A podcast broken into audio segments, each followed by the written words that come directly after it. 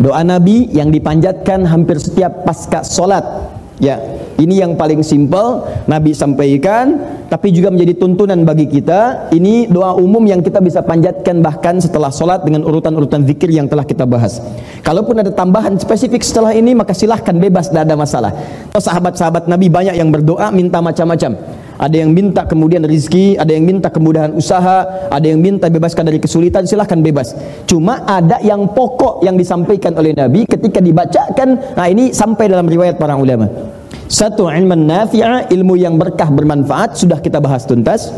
Kemudian ini kita berhenti di sini pertemuan lalu.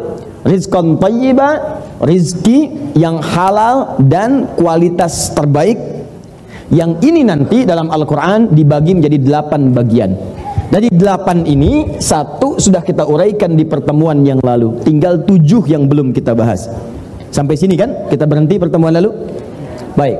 Tahan, fokus baik-baik. Perhatikan sini. Ya, kalimat nabinya sederhana. Ya Allah, mohon anugerahkan kami dalam hidup ini rizki yang halal dengan kualitas yang terbaik. Awas hati-hati ya. Ini sekaligus mengevaluasi diri kita apakah sampai hari ini rizki kita dipandang halal dan baik tidak oleh Allah dan Rasul. Jangan-jangan kita menduganya halal dan baik, tapi tidak masuk kualifikasi halal dan baik menurut Allah. Rugi kita. Ya menurut kita ini sudah yang terbaik, kata Nabi ini belum baik. Maka dari itu kita duduk pada pagi hari ini untuk mengevaluasi apa yang kita dapatkan apakah sudah baik dan halal. Dan yang kedua, bagaimana cara mendapatkan itu secara cepat. Ya kita harus minta pada Allah, ya Allah saya ini beriman. Orang tidak beriman dapat rizki, binatang dapat rizki, yang melatak pun dapat rizki. Sudah kita bahas pertemuan lalu. Ya selevel cicak dapat rizki, cuman merayap di dinding nyamuk datang. Ya kan? Masih ingat yang kemarin? Yang sudah hap gitu kan? Saya masih ingat sebelah sini. Ya. Baik. Jadi binatang aja dapat, nyamuk dapat, cicak dapat. Ya, masa kita manusia tidak dapat? Tapi yang paling menarik, ya Allah, kami bukan sekedar manusia, tapi kami beriman, kami ibadah. Kalau yang tidak beriman tidak ibadah bisa mendapatkan itu, kenapa kami yang beriman dan ibadah tidak cepat mendapatkannya? Maka Allah berikan spesial. Ada delapan jenis. Yang tujuh jenisnya itu hanya diberikan pada yang beriman saja. Kalau dia kerjakan itu semua, maka Allah akan percepat rezekinya. Bahkan tanpa sadar dilipat gandakan dengan kualitas yang sangat luar biasa.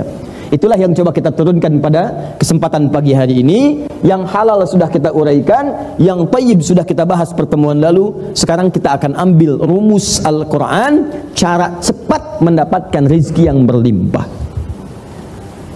Nah. Sekarang materinya turunan dari sini ragam rezeki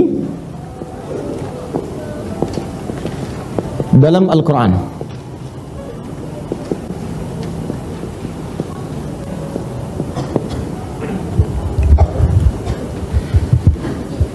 Sebelum ke sini tolong fokus sebentar ya. Kalau anda bertanya Ustadz kenapa kita mesti bahas ini?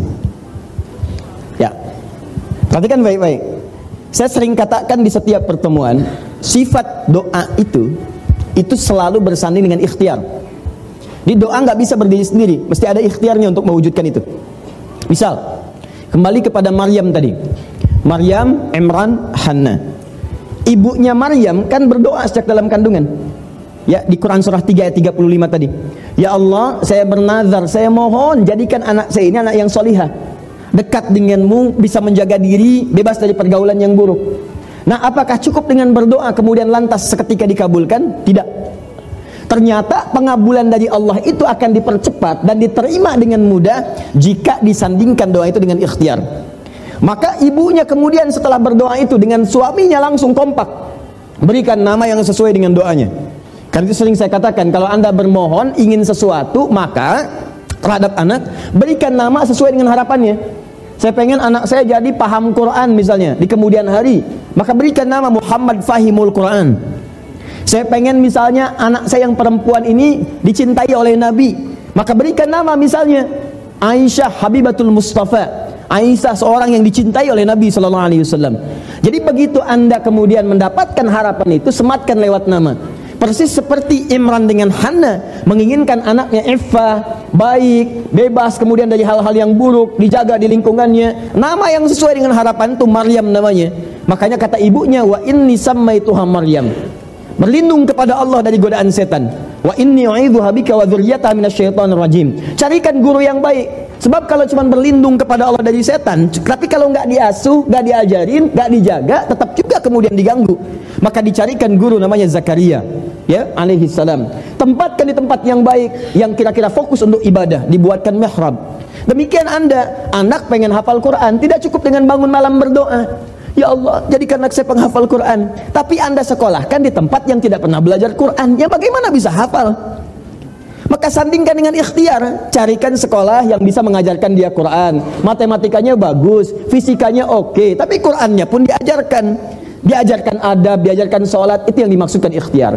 Nabi membimbing kita, berikan rizki yang halal dan baik. Ikhtiarnya bagaimana? Jelas ya? Inilah yang kita turunkan, sudah kita bahas kemudian. Di antara ragam ini ada delapan jenis. Jenis yang pertama sudah kita uraikan, yang standar untuk dicari. Sekarang kita masuk pada kategori yang istimewa untuk mendapatkannya. Yang istimewa. Saya jadikan dua dulu karena satu sudah dibahas. Paham sampai di sini? Baik. Yuk, ambil dalilnya dulu. Satu. Quran surah ke-14 ayat ke-7. Dan dari sini kita bagi-bagi contoh. Contohnya kita turunkan. Kalau bentuknya terkait dengan ketenangan, kenyamanan hidup, maka kita ambil dulu contoh dari mata Quran surah ke-24 ayat 30 sampai 31. Kita ambil dari lisan Quran surah ke-49 ayat 11 sampai dengan 12. Kita ambil langsung ke kaki aja biar cepat. Quran surah ke-25 ayat 63 ditambah lagi sedikit Quran surah ke-31 ayat 18. Kalau kaitannya dengan harta, materi, ingin nambah lagi, nambah lagi, nambah lagi, nambah lagi. Tapi nambahnya bukan sekedar harapan. Jadi nambah yang ada nilainya, berkah manfaatnya. Kan ada orang yang cuma nambah tapi nggak kepake. Silahkan cek. Ada orang yang cuma nambah aja, ngoleksi aja. Koleksi pakaian, dibuka lemari pakaiannya. Tapi cuma buat ditonton aja. Lihat, dipakai enggak? Kasihan. Ada yang koleksi kendaraan, motor dilihat, motornya ini, motornya ini. Cuman buat bangga aja, bangga lihat. Udah itu udah aja. Dan fungsinya nggak ada. Kan yang sesuatu yang bermanfaat itu fungsi yang telah didapatkan dari benda itu tergunakan.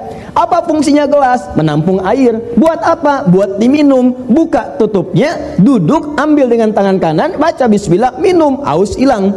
Kalau anda cuma beli gelas buat diliatin, ya begini. Ya bagaimana bisa hilang hausnya? Yang paling aneh gelasnya ada, minumnya pakai gayung. Kenapa nggak dipakai gelasnya? Sayang, ini kan koleksi. Ah, susah hidup. Ya, demikian beli mobil, pasang lagi, pasang lagi. Dan yang paling menarik nggak pernah dipakai, cuma buat dilihat ya. Paling-paling dipanasin tengah malam, balapan masuk taksi, ngeng, ah, capek. Jelas ya? Nah sekarang yang paling menarik hartanya bertambah tapi manfaatnya banyak. Kayak Sayyidina Uthman bin Affan radhiyallahu taala anhu. Nambah terus tuh, nambah, nambah, nambah. Tapi enak kepakainya. Ya, ada yang jadi kemudian kebun. Siapa yang mau ngambil buahnya tinggal ngambil. Jadi ngelihatnya itu enak. Ada manfaatnya, begitu manfaat terlihat itu nyaman, hati tenang. Ada sumur yang haus tinggal ngambil airnya. Airnya nggak habis-habis. Ya. Abdurrahman bin Auf dapat Pak satu masa sampai heboh Madinah dok diduk dok diduk dok diduk ini suara apa ini? Begitu keluar orang 600 kafilah bayangkan. 600 ontak penuh dengan mutiara emas barang-barang mewah. Kalau sekarang datang truk setiap truknya membawa ada berlian ada emas ya ada macam-macam. Udah enggak takut kepatil. Jadi iya kan bahaya tuh kalau kena jadi kenapa?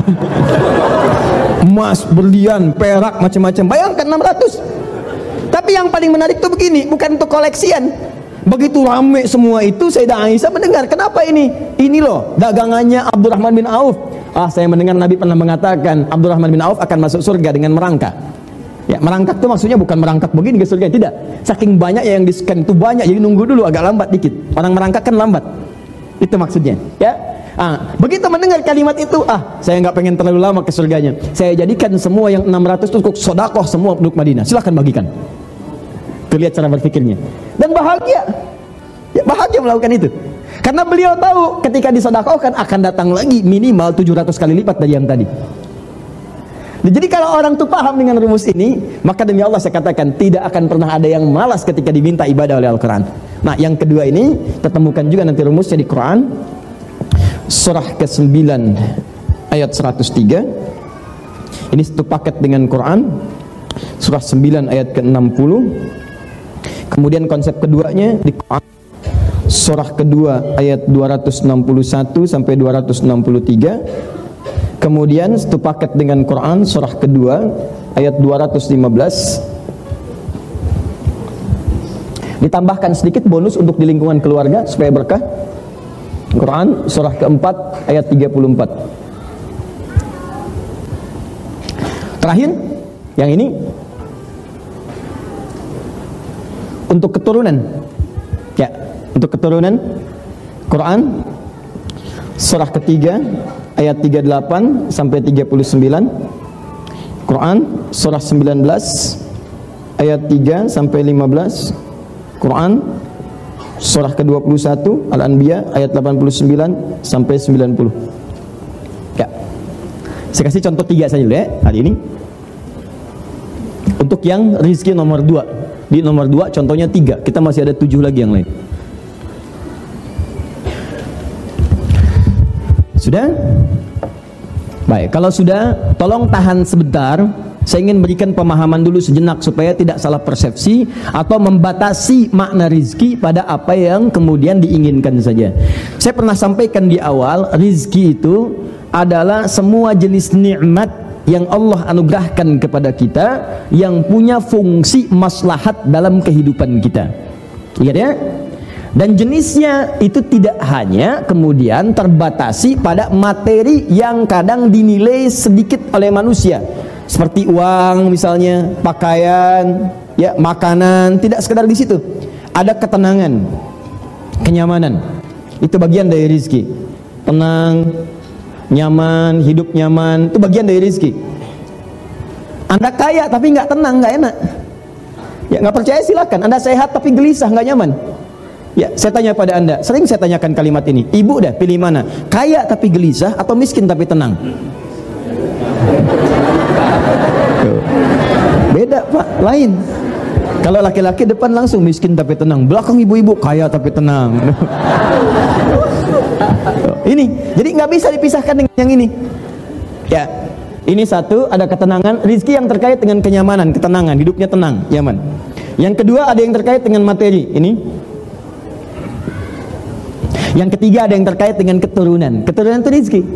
Nanti kita buka, kita buka. Keturunan itu rizki. Ada misalnya ingin yang dipercepat oleh Allah dapat keturunan. Ada lagi yang sudah ada keturunan pengen soleh itu rizki. Ya awas anak-anak anak yang soleh itu rizki. Rizki terbaik bagi orang tua. Bahkan nanti ada jenis yang ketiga. Kalau anaknya bisa soleh disiapkan, maka anaknya yang soleh bapak ibu yang dapat rizki. Mengalir langsung.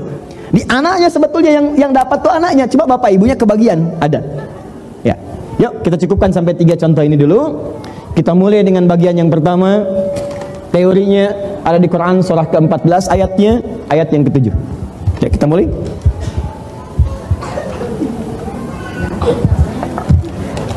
Fokus. Hati-hati. Saya hapus dulu yang ini. Boleh ya? Baik. Saya tuliskan ayatnya. Insya Allah kita hafal ayatnya. Coba barangkali tempatnya uh, belum sempat dilihat.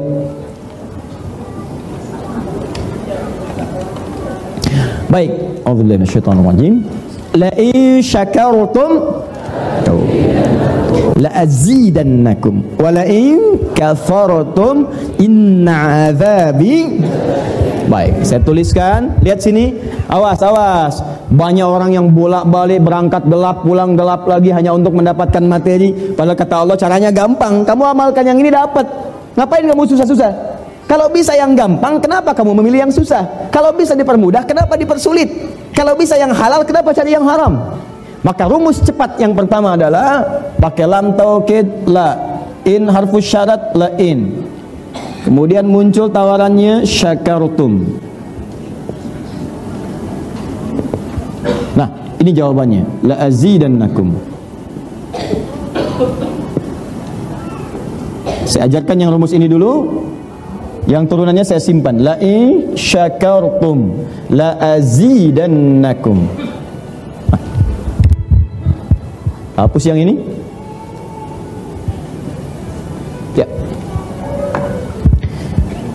Kelihatan ini? Baik, kalau kelihatan, sekarang kita belajar dengan serius. Saya turunkan setiap hurufnya. Kita baca dengan ilmunya, kita keluarkan kaidah ilmu nahunya, kita terapkan kaidah ilmu balaghahnya. Perhatikan baik-baik.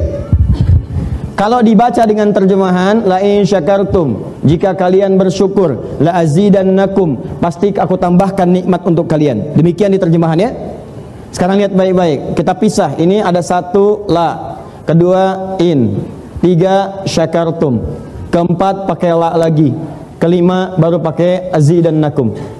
Dan ini kalimat yang menggunakan fi'il madhi bentuknya past yang ini menggunakan mudhari, present continuous future. Sudah? Baik. Paham sampai sini? Halo? Belum, belum saya jelaskan bagaimana bisa paham. Wah, ini kualitas ibu-ibu hari ini. La. Lihat sini la harfu taukid. Wah, maksud saya begini nanti kalau Anda baca Quran di ayat yang lain, kita sudah bisa memahami oh maksudnya ke sini. Jadi kalau ada huruf-huruf yang dalam bahasa Arab begini adalah ada li beda. Ya. Kalau huruf begini li li li itu biasanya menunjukkan kepemilikan. Li punya saya. Lillahi ma fis samawati wa ma ah, li bukanlah li berarti punya Allah yang di langit dan di bumi semua. Tapi kalau la la la la la bacanya pendek bukan la tapi la la la la la. Ini disebut dengan harfut taukid huruf yang berfungsi untuk menguatkan sebuah informasi. Yang menandakan keseriusan atas apa yang akan disampaikan. Jadi kalau orang Arab itu ingin meyakinkan misalnya sosok yang kadang-kadang ragu atau ingin menunjukkan ini serius tuh tidak main-main maka dia katakan dengan la. Misal ada orang mengatakan misalnya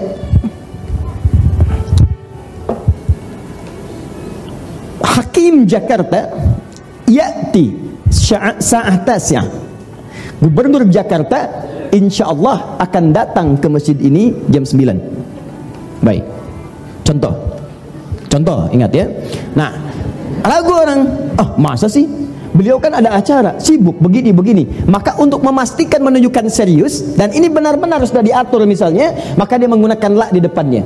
Hakim Jakarta layati layati lanya pendek layati al-an saat ya Eh saya serius loh Saya yakinkan pada anda Gubernur Jakarta akan datang jam 9 saat ini Paham rumusnya? Nah, maka kalau anda menemukan huruf la Dengan harakat fathah A Kemudian bunyinya pendek La Ini menunjukkan informasi yang disampaikan Begitu serius Begitu kuat dan membuat kita harus yakin tanpa ragu sedikit pun. Apalagi kalau menyampaikan itu Allah dalam Al-Quran. Jadi kalau sudah Allah nggak pakai taukid pun sudah kuat. Eh, ini pakai taukid. Jadi kalau Allah nyampaikan kaidah Qurannya dibuka di awal. Dzalikal kitabula semua isi Quran jangan ragu. Nah ini ketika Allah sampaikan menggunakan la seakan-akan udah disampaikan masih ada yang ragu. Maka Allah katakan, hei jangan ragu ya. Saya tegaskan, saya serius, saya kuatkan. Ada sesuatu yang akan saya sampaikan saat ini. Paham? Nah, ini ini sama. Nah, sekarang in. In ini namanya harfus syartin, syarat. Syarat. Huruf yang menunjukkan syarat untuk bisa meraih sesuatu atau terjadinya sesuatu. Misal, inji tahuna ati. Kalau engkau datang ke sini, saya pun akan datang. Syaratnya kamu datang. Kalau kamu datang, saya datang. Jadi kalau Anda tidak datang, saya tidak datang. Yang penting Anda datang, saya datang. Kalau Anda tidak datang, saya nggak akan datang. Itu menggunakan in in jita ati in. Jika kamu datang ke sini jita ati, saya pun datang.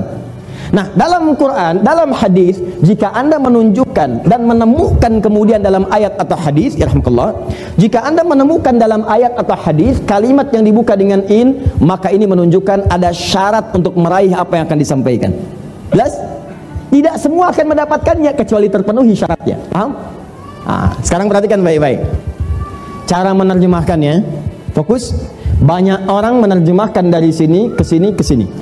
Padahal kalau Anda baca dengan ilmu balaghahnya, untuk mendapatkan motivasi terkuat, maka cara menerjemahkannya urutannya satu, kedua, ketiga. Urutan Al-Qur'annya ini yang benar dalam bahasa Arab. La in syakartum la azidannakum. Tapi kalau Anda ingin termotivasi dengan baik ilmu balaghahnya, maka ada takdim wa takhir. Yang diawalkan, diakhirkan. Cara menerjemahkannya dari sini dulu ke sini baru ke sini. Lihat baik-baik. Kata Allah, la in syakartum la azidannakum. Cara menerjemahkannya dari sini dulu, lihat baik-baik. Hei, saya akan sampaikan informasi kepadamu ya. Saya serius, tidak main-main la azidannakum saya akan pasti tambah terus tambah terus tambah terus kepada kalian nikmat yang sekarang kalian dapatkan. Jadi kalau anda sekarang sedang mendapatkan nikmat ketenangan kata Allah saya akan tambah ketenangan itu tanpa berhenti. Karena kalimatnya menggunakan mudhari present continuous future. Sekarang saya berikan tenang nanti kamu akan lebih tenang lagi. Nanti lebih tenang lagi sampai future sampai hari kiamat lebih tenang lagi. Dan yang paling hebat rumus present present continuous dan future ini kalau diaplikasikan ke rumus Quran ini dunia sampai ke alam kubur sampai ke akhirat di, ada orang yang sampai di dunianya ke kuburnya sampai ke akhirat terus diberikan oleh Allah rizki melimpah Allahu Akbar nanti saya turunkan ayatnya Ya ada dunianya dapat, alam kuburnya mana? Ya Ustaz. Oke, saya tuliskan. Buka Quran surah ketiga Ali Imran ayat 169 sampai 171. Contoh dulu. Kemudian sampai dengan ke akhiratnya lebih banyak lagi. Ya lebih banyak lagi. Ada yang kemudian ke surganya dengan uh, keluarga besarnya. Quran surah 13 ayat 23 sampai dengan 24. Ada yang langsung dapat seluas langit dan bumi. Quran surah ketiga ayat 133 sampai 134. Ada yang kemudian di taman surga. Quran surah ke-51 ayat 15 sampai dengan 23. Ada yang kemudian surganya Firdaus. Quran surah ke-23 ayat yang 1 sampai dengan ayat ke-9. Ada yang surganya itu teman-teman di surga seperti biasa tapi semua yang pengen ada. Yang paling hebat itu ada yang di dunianya pengen sesuatu nggak kedapatan tiba-tiba meninggal. Misal anda mau lewat sini tuh ada yang jualan somai, ya mau nyobain pengajian udah dimulai. Nggak enak orang nyimak anda makan somai, ya kan? Makanya orang ini langsung ke pengajian. Begitu keluar pengajian mau beli habis, ya, ya ya Allah habis. Begitu bilang ya Allah habis meninggal. Ya bisa, bisa, misal. Nah, tiba-tiba orang ini masuk surga. Ya karena di pengajian sempat tobat tobat keluar dapat pahala. Begitu meninggal langsung tuh kontan dibayar. Ya dapat sesuatu. Begitu kemudian dapat masuk surga gimana surganya? Ada yang paling menarik. Ada yang masuk surga kelasnya istimewa. Quran surah kedua ayat 25 paling kanan sebelah atas. Ya wabashshiril ladzina amanu wa amilus salihati anna lahum jannatin tajri min tahtiha al-anhar. Kullama ruziqu minha mi samarat rizqa. Qalu hadzal ladzi ruziqna min qabl. Yang paling menarik wa utubihi mutasyabihat ketika dia masuk ke dalam surga ada yang kepikiran nikmat dunia yang belum dia dapatkan begitu dia masuk ya Allah somai wa utubihi mutasyabihat muncul persis seperti apa yang dia bayangkan dulu Sing! wah Alhamdulillah. Ya Allah, kenapa dulu nggak banyak lain lagi yang dipikirkan ya Allah? Itu istimewa. Nah ini sampai dengan ke akhirat. Bagaimana cara meraihnya? Yuk kita cepat turunkan ke sini, ya. Kita jangan bicara surga dulu, kita masih di dunia, ya. Hisab aja belum lewat. Ya. Mau cepat ke surga? Masya Allah. Caranya cepat meninggal. ya. Dah, yuk mulai. Satu. Kita mulai Ya, kata Allah, saya pasti akan tambah terus nikmat pada satu golongan hamba. Tambah lagi, tambah lagi, tambah lagi. Kalau bentuknya materi, nggak pernah berhenti tuh. Seperti Utsman dapat, Abdurrahman bin Auf dapat, Tamim Adari dapat. Kalau bentuknya ketenangan, tenang terus. Kalau bentuknya keturunan, keturunannya itu terus begitu lahir soleh lagi, lahir soleh lagi, lahir soleh lagi. Seperti Nabi Ibrahim, Ya dari dua sisi kan begitu. Dari Sayyidah Sarah lahir Ishak turun Yakub. Dari Yakub turun Yusuf. Dari Yusuf terus sampai ke Daud, sampai ke Sulaiman, sampai sebelumnya ada Musa, sampai ke Nabi Isa. Dari Nabi Ismail sampai ke Nabi Muhammad SAW. Semuanya bagus. Baik. Seperti Imran kalau manusia biasa, ada Maryam, ada Isa ke bawah dan seterusnya. Jelas ya? Ah, caranya apa? Ini kuncinya. Syakartum. Ini amalannya. Syukur. Syaratnya, ah ini harus syartin. Lihat baik-baik. Kata Allah, saya pasti akan tambahkan terus kepada kalian semua nikmat yang kalian dapatkan sekarang sampai kalian bahkan merasa puas. Wala saufa yu'tika rabbuka fatarda. Sampai puas. Padahal kaidah nikmat itu kalau udah didapatkan jarang orang puas, pengen nambah. Contoh gini, kalau sudah punya sepeda apakah puas? Tidak. Pengen apa? Motor. Kalau sudah punya motor pengen apa? Kalau sudah pengen punya mobil pengen apa? Tuh, padahal markirnya aja belum jelas garasinya di mana. Ya. Tapi itulah manusia. Jadi manusia itu kalau urusan nikmat gak pernah puas. Tapi yang ini enggak. Kata Allah, saya akan terus tambah. Mau minta apa? Tambah, tambah. Sampai kamu merasa puas. Puas ya Allah, cukup. Sudah. Diberikan terus, terus, terus, terus. Itu yang sangat luar biasa. Nah kata Allah, saya akan pasti berikan kepada kalian nikmat terus bertambah tanpa pernah selesai sampai kalian puas. Tapi syaratnya ada amalannya. La in syakartum. Syaratnya in syakartum. Kalian mesti mensyukuri semua nikmat yang saya berikan itu.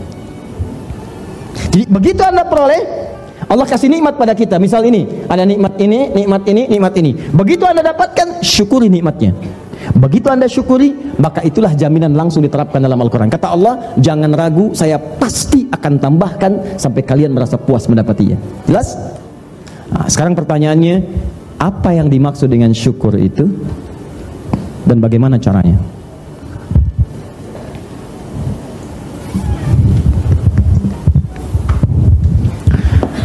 syukur Awas hati-hati, awas ya. Fokus. Di kalaupun nama anda syukur tapi tidak mengamalkan ini, nggak dapat. Nah, anda jauh-jauh sampai dengan ke Sumatera sana makan sate, sate syukur, ya. Supaya dapat ini belum tentu. Syukur adalah ungkapan ungkapan kebahagiaan dan terima kasih.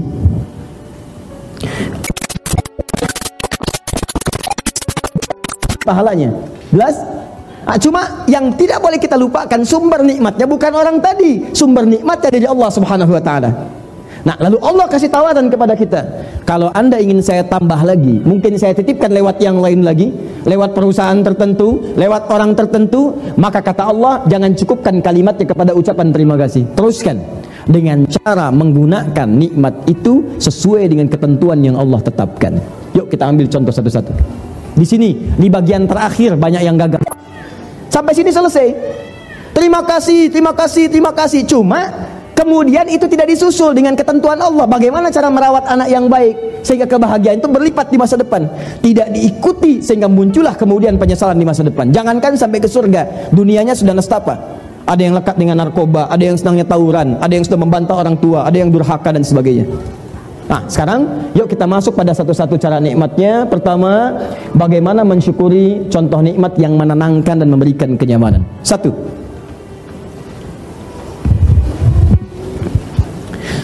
Kita mulai dari tubuh dulu ya. Dari tubuh dulu, setelah itu baru ke harta. Yuk, dari ujung kepala sampai ujung kaki. Di kepala kita ambil dua contoh, mata dengan lisan. Baik, Bapak Ibu, sebentar, sebentar. Nikmat penglihatan.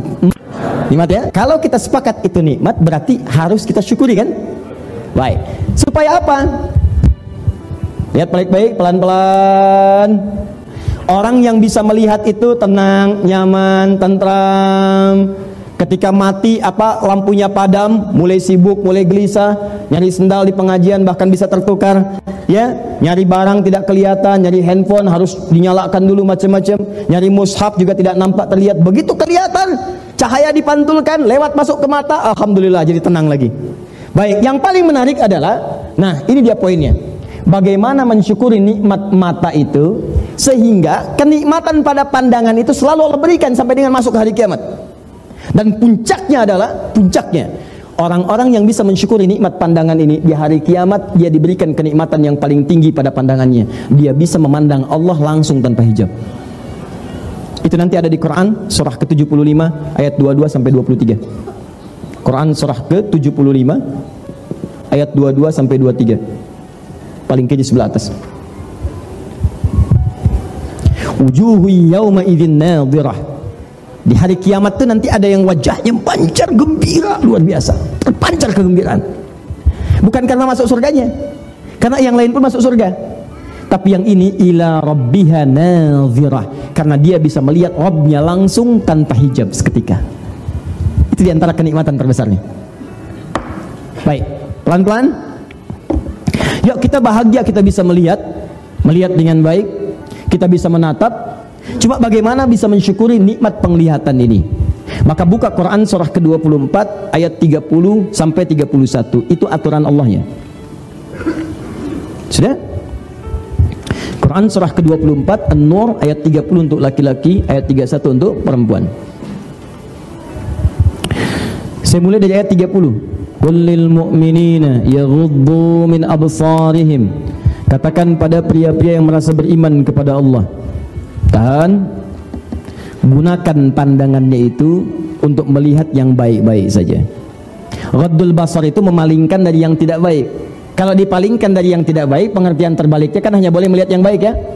Baik, maka kata Allah bahasa cepatnya gunakan mata itu hanya untuk melihat yang baik-baik saja. Jika Anda gunakan sederhana ya, jika Anda gunakan mata ini untuk memandang yang baik menurut Allah saja, ini baik pandang, ini nggak baik palingkan, maka Allah akan jamin mata itu akan Allah berikan keberkahan, mendapatkan ketentraman dengan pandangan itu sampai dengan hari kiamat. Saya ulang ya, saya ulang. Jika anda mengikuti ketentuan ini, kata Allah, baik laki-laki atau perempuan, ayat 31 untuk perempuan, wa kullil mu'minati yaghduna bin absarihinna. Katakan pada perempuan-perempuan yang merasa punya iman, pandangannya palingkan dari yang tidak baik. Aturan Allahnya pandang yang baik-baik saja. Anda pandang yang baik-baik, maka Allah akan berikan manfaat, keberkahan, kenyamanan dalam pandangan itu. Yang dahsyatnya, semua pandangan itu akan memberikan pengaruh kepada jiwa. Awas, awas, jangan lupa dengan kaidah ini. Mata kita bukan sekedar memandang, tapi diisyaratkan dalam Al-Quran semua pandangan ini akan menginput informasi yang diteruskan kepada otak sampai kemudian jadi pikiran dalam kehidupan kita. Silakan cek kalau tidak percaya. Kalau tidak percaya silakan. Anda melihat handphone baru punya teman anda. Bukan cuma dilihat tuh. Tapi akan masuk jadi informasi kapan saya punya yang seperti itu? Anda masuk ke sini kalau kemudian itu masuk ke nafsu itu yang paling bahaya. Kapan dia kemudian bisa menyimpan itu tanpa ketahuan itu yang paling bahaya. Anda masuk ke masjid, masuknya lihat sendal, sendalnya bagus banget. Kalau masuknya ke takwa, masya Allah, semoga Allah muliakan dia dengan sandalnya dan jadi hisap paling ringan sampai dengan di akhirat. Tapi kalau masuknya ke nafsu, masya Allah, ya Allah, saya pun pengen yang seperti itu. Buat dia lupa dengan sandalnya ya Allah, buat dia lupa. Ah, ini poinnya. Kata Allah, jika ada seseorang yang bisa menjaga pandangannya, hanya yang menurut Allah yang baik saja menurut saya. Yang tidak boleh dilihat jangan dilihat. Jadi antum tuh jaga aja. Ini yang kata Allah baik, lihat. Yang tidak baik jangan dilihat. Maka apa dampaknya? Minimal Anda akan merasakan ketenangan dan kenyamanan dalam kehidupan. Anda gagal mempraktekkan ini, nanti saya kasih contoh. Anda gagal mempraktekkan ini, maka minimal Anda akan disibukkan dengan kegelisahan dan urusan-urusan dunia yang sebetulnya tidak perlu kita kemudian ikuti dalamnya. Contoh, maaf ya, Kata Allah, lihat yang baik-baik. Ukuran baiknya norma. Gambar yang tidak baik, yang terbuka aurat. Maaf, maaf video-video yang buruk, yang mempertontonkan hal-hal yang jangankan orang yang punya iman, yang tak beriman pun menganggap itu sebuah hal yang buruk. Ya, maaf, maaf, maaf sekali lagi. Boleh dilihat nggak? Boleh dilihat tidak? Tidak. Yang kata Allah jangan, jangan wala takrabu zina. Jangan dekati zina. Unsurnya apa? Gambar yang tidak serono video-video yang tidak bagus. Hal-hal yang bukan milik kita yang tidak layak untuk dipandang. Jauhi. Begitu anda tinggalkan ini maka insya Allah Allah akan jaga pandangan dan hati kita tetap dalam ketenangan. Anda coba-coba. Kalau nggak percaya silakan. Demi Allah saya katakan. Tapi jangan dicoba. Ya. ada gambar yang tidak bagus. Anda liatin aja. Penemuan terbaru. Saya pernah satu forum dengan kawan dari alumni di Kanada.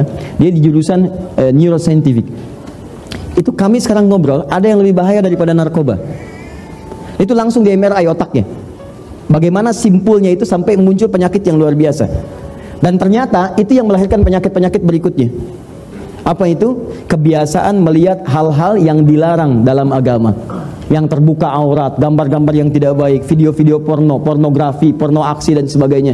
Itu ternyata itu racun yang paling dahsyat dibandingkan dengan narkoba. Narkoba aja udah parah, apalagi itu. Di begitu seseorang itu melihat gambar yang tidak bagus, itu langsung ada bagian di otaknya itu, ya. Tiba-tiba dia seakan menyala, memberikan kemudian dorongan simpul tertentu yang seakan-akan gak mau lepas dari itu.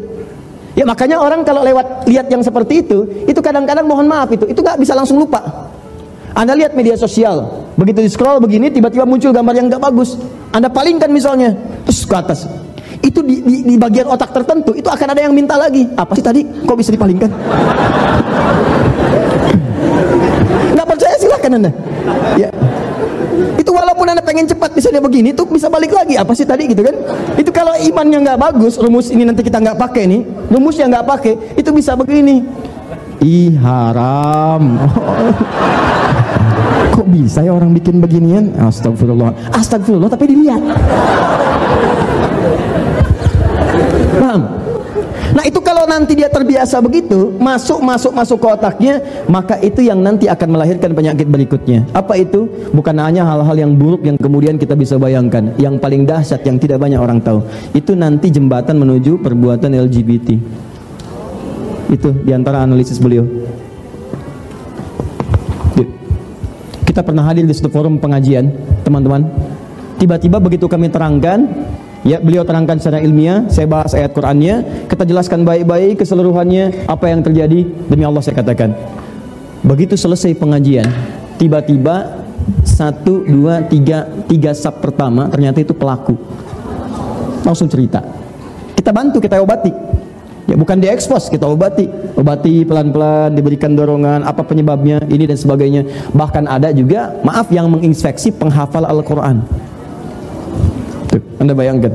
Ada yang masuk ke situ. Nanti lain waktu kita bahas ya.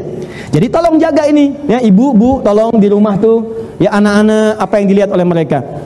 Sekarang banyak film-film masuk kemudian tidak terkontrol, YouTube lewat media sosial, lewat handphone ya, begitu dia buka, Anda kontrol nggak? Apa yang dia lihat? Dan itu yang jadi perilaku. Itu yang paling bahaya. Makanya orang-orang yang terbiasa melihat yang baik-baik kata Allah tuh, lihat yang baik-baik, orang ke pengajian, lihat masjid, lihat acara yang baik, lihat misalnya kalau ada kartun tuh anak kartun yang baik-baik. Sekarang muncul banyak tayangan yang bagus-bagus. Untuk orang dewasa lihat yang baik-baik. Kalau Anda membiasakan yang baik-baik yang terlihat, itu ketenangan yang hadir di jiwa. Kalau nggak percaya, nih coba ya, coba Pak ya. Antum jadikan satu anak aja di rumah sebagai penghafal Quran. Dan pilih anak yang paling kecil Misal yang tiga tahun, empat tahun, nggak usah banyak-banyak yang diajarin. Ajarin aja surat Al-Ikhlas, Kul huwallahu ahad. Demi Allah saya katakan, Anda pulang dari kantor, capek, banyak pekerjaan, luar biasa dahsyat. Begitu Anda buka pintu kamar, tiba-tiba anak kecil itu sedang mengulang surat Al-Ikhlas. Kul huwallahu ahad, Allahu samad dan Anda melihat pemandangan itu. Demi Allah saya katakan, akan hadir ketenangan dalam jiwa Anda. Coba baru lihat tuh. Orang-orang yang biasakan melihat yang baik-baik, yang menenteramkan, lihat orang-orang soleh. Ya dulu, dulu di zaman para orang-orang soleh, sahabat zaman tabiin, termasuk zaman para salafus soleh, para ulama imam madhab yang empat, itu ada di antara orang yang datang ke badis ilmu, cuman pengen lihat syekhnya aja. Dan yang dilihat tuh bukan dengan penglihatan yang buruk, bukan. Jadi ada orang-orang yang kalau ngelihat wajah ulama itu jadi tenang hatinya. Ya, jadi kalau ada hatinya sedang koswah, sedang keras, cuma datang lihat ulama ini balik lagi. Ingat gitu ya, ingat wafat, ingat neraka, ingat surga, ingat macam-macam. Cuman datang, cuman lihat aja. Ngapain ke sini? Cuman pengen lihat gitu. Ya. Sekarang juga ada yang begitu. Cuman hasilnya nggak jelas. jelas ya? Satu. Makanya aplikasi paling gampangnya, tolong, tolong, jangan pernah melihat sesuatu yang tidak dibenarkan. Anda masuk ke kantor, proyek Anda lihat, proyek orang jangan. Yang haram palingkan ada orang masukkan anggaran yang tidak jelas haram palingkan Raddul basar palingkan tutup. Kalau anda pengen tenang kalau pengen nggak tenang silakan. Semua ambil yang haram lihat. Yang ini lihat. Dari pandangan itu kalau masuk ke nafsu ujung-ujung dieksekusi. Pak ini pak. Apa ini? Ini tambahan pak. Tambahan apa? Jangan masukkan yang macam-macam saya nggak mau lihat. Coba pak dilihat dulu. Loh coba dilihat dulu. Mungkin nanti ada sebuah perubahan. Atau kalau Bapak kurang yakin istihoroh dulu. Istihoroh enak aja.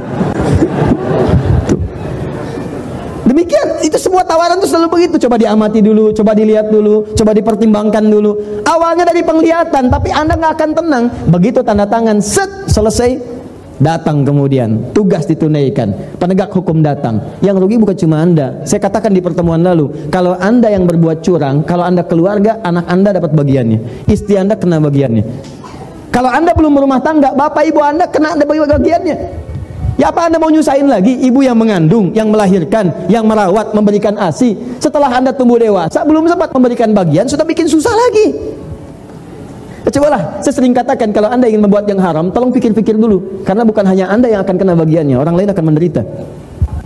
Nih, lisan. Agak cepat. Cepat sedikit sebelum ke harta. Lisan, ini yang sering bikin gak tenang. Quran surah ke-49 ayat 11 sampai 12. Tahan. Kalau hidupnya ingin tenang kata Al-Qur'an, satu jaga pandangan, kedua jaga lisan. Ini langsung ayatnya turun. Ya, Quran surah 49 ayat ke 11 sampai dengan 12. Ya ayyuhalladzina amanu la yaskhar qaumin qaum. Ada ayatnya? Ya, saya pelankan sedikit. Ya ayyuhalladzina amanu. Hai orang-orang yang masih merasa punya iman. Saya sering katakan ya-nya harfun nida. Nida itu huruf panggilan. Panggilannya ke semuanya. Kalau ya itu ada 14 huruf panggilan di ilmu nahu. Tapi yang disebutkan dalam Al-Quran cuma satu ya. Ya itu memanggil semua kalangan dengan jarak yang semua sempurna. Mau dekat, mau menengah, mau jauh. Disebutkan 360 kali dalam Al-Quran. Kalau setelah ya dipakai ayuha setelah itu ada ayyuha. Ayyuha disebutkan 150 kali dalam Al-Quran. Ayyunya berfungsi taukid munada, haknya huruf tanbih peringatan. Jadi kalau ada ya setelah ya ada ayyuha, cara menerjemahkannya, perhatikan cara menerjemahkannya. Hei, saya peringatkan ya. Saya peringatkan, saya serius kata Allah. Saya panggil semua kalian tanpa kecuali. Baik kalian yang merasa sedang dekat dengan saya, menengah ataupun jauh. Siapa yang dipanggil? Alladzina amanu. Alladzina disebutkan 1080 kali dalam Al-Qur'an. Dia di ilmu nahu disebut dengan ismun mausulun yadulu alal amiyah. Ya, huruf sambung menunjuk pada objek atau bahkan subjek tanpa kecuali semua. Semua general, komprehensif. Mau besar, kecil, tua, muda, laki-laki, perempuan. Seakan-akan Allah ingin katakan, kalau ada ayat dibuka dengan panggilan ya ayyuhalladzina amanu, maka semua yang punya iman dipanggil tanpa batas. Mau dia orang dewasa, anak kecil, tua, muda, laki-laki, perempuan tanpa batasan. Dan panggilannya disertakan peringatan. Kalau ada peringatan, hati-hati. Setiap ayat yang disandingkan dengan peringatan, maka ini, ini di antara pemahamannya ada potensi bisa melahirkan dosa kalau diabaikan. Apa informasinya? La yaskhar qaumin qaum. Kata Allah, hati-hati jangan gunakan lisanmu untuk saling mencela satu dengan yang lainnya. Jangan mencela. Kalau Anda ingin tenang, gunakan nikmat mulut itu untuk berkata yang baik-baik saja. Maka hindarkan yang tidak baik. Fokus, lihat hadis Nabi. Saya lompat sedikit. Man kana yu'minu billahi wal yaumil akhir falyakul khairan aw liyasmut. Cara mensyukuri nikmat lisan itu kalau ingin ditambah kenikmatannya, di antara kenikmatan di lisan itu akan berpengaruh pada ketenangan dan kenyamanan hidup. Orang yang enggak bisa menjaga lisan maka hidupnya cenderung tidak tenang dan tidak nyaman. Fokus baik-baik. Kata Nabi bagaimana caranya? Katakan yang baik-baik. Kalau tak mampu pilihan keduanya diam. Tidak ada yang ketiga. Cuma dua. Saya ulang, tidak ada pilihan yang ketiga. Cuma Dua. Satu, dua. Sudah ini ini. Pilihannya cuma ini. Kata Nabi, katakan yang baik-baik kalau tak mampu diam. Jadi cuma dua, baik dan diam. Ada berapa? Oh, kan? Jadi katakan yang baik kalau nggak bisa diam. Nggak ada yang ketiga. Dimohon maaf kalau hidup anda ingin tentram, Dapat kan tentram itu kenikmatan. Kalau ingin nikmat kata Nabi, baik aja yang baik katakan, katakan yang baik, katakan yang mulia, katakan cinta, ya katakan yang indah-indah. Kalau nggak mampu, diam aja, diam. Nah, Ustadz, apa di antara yang tidak baik yang nggak boleh kami lakukan sehingga dengan itu berpotensi hidup kita nggak tenang, kayaknya nggak nikmat, kaya tapi nggak tenang. Maaf, mewah tapi gelisah, nggak nikmat. Apa di antara rinciannya? Turunlah ketentuan Allah di Quran surah 49 ayat 11 sampai dengan 12. Kalau Anda masuk coba-coba ke sini, maka Allah akan jamin Anda nggak akan pernah tenang hidupnya. Yuk, satu, kata Allah jangan mencela.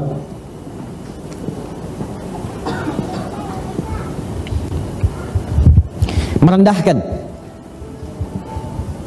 Bukan dalam konteks mengingatkan atau bukan dalam konteks mencela satu perbuatan yang memang dinafikan oleh agama.